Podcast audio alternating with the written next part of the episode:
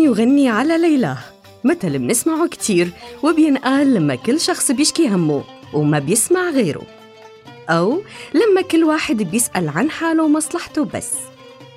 بقى يا ترى مين هي ليلى يلي كل واحد عنده منها؟ ليلى بهالمثل مو المقصود فيها امرأة. هي أي شي بيهتم فيه الإنسان.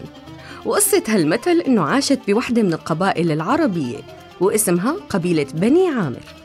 صبية اسمها ليلى العامرية وكان عندها ابن عم اسمه قيس بن الملوح. عاشوا بعهد الأمويين.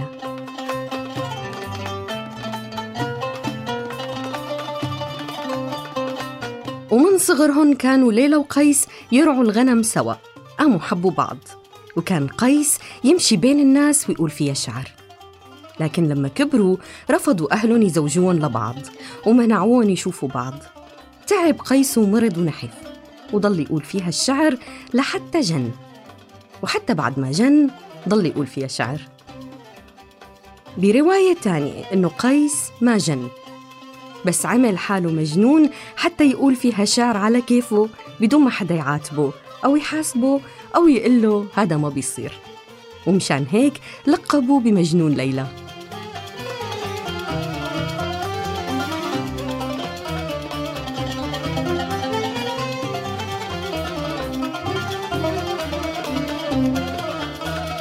ومن كتر حب قيس لليلى صاروا أغلب الشعراء هداك الوقت يستخدموا اسم ليلى لما بدهم يحكوا عن محبوباتهم.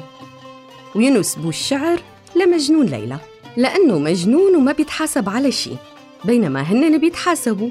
فصار في شعر كتير منسوب لمجنون ليلى وبيحكي عن ليلى. وبالحقيقة هذا الشعر بيرجع لعدة شعراء وكل واحد عم بيحكي بشعره عن ليلى الخاصة فيه. مشان هيك قالوا العرب كل يغني على ليلى.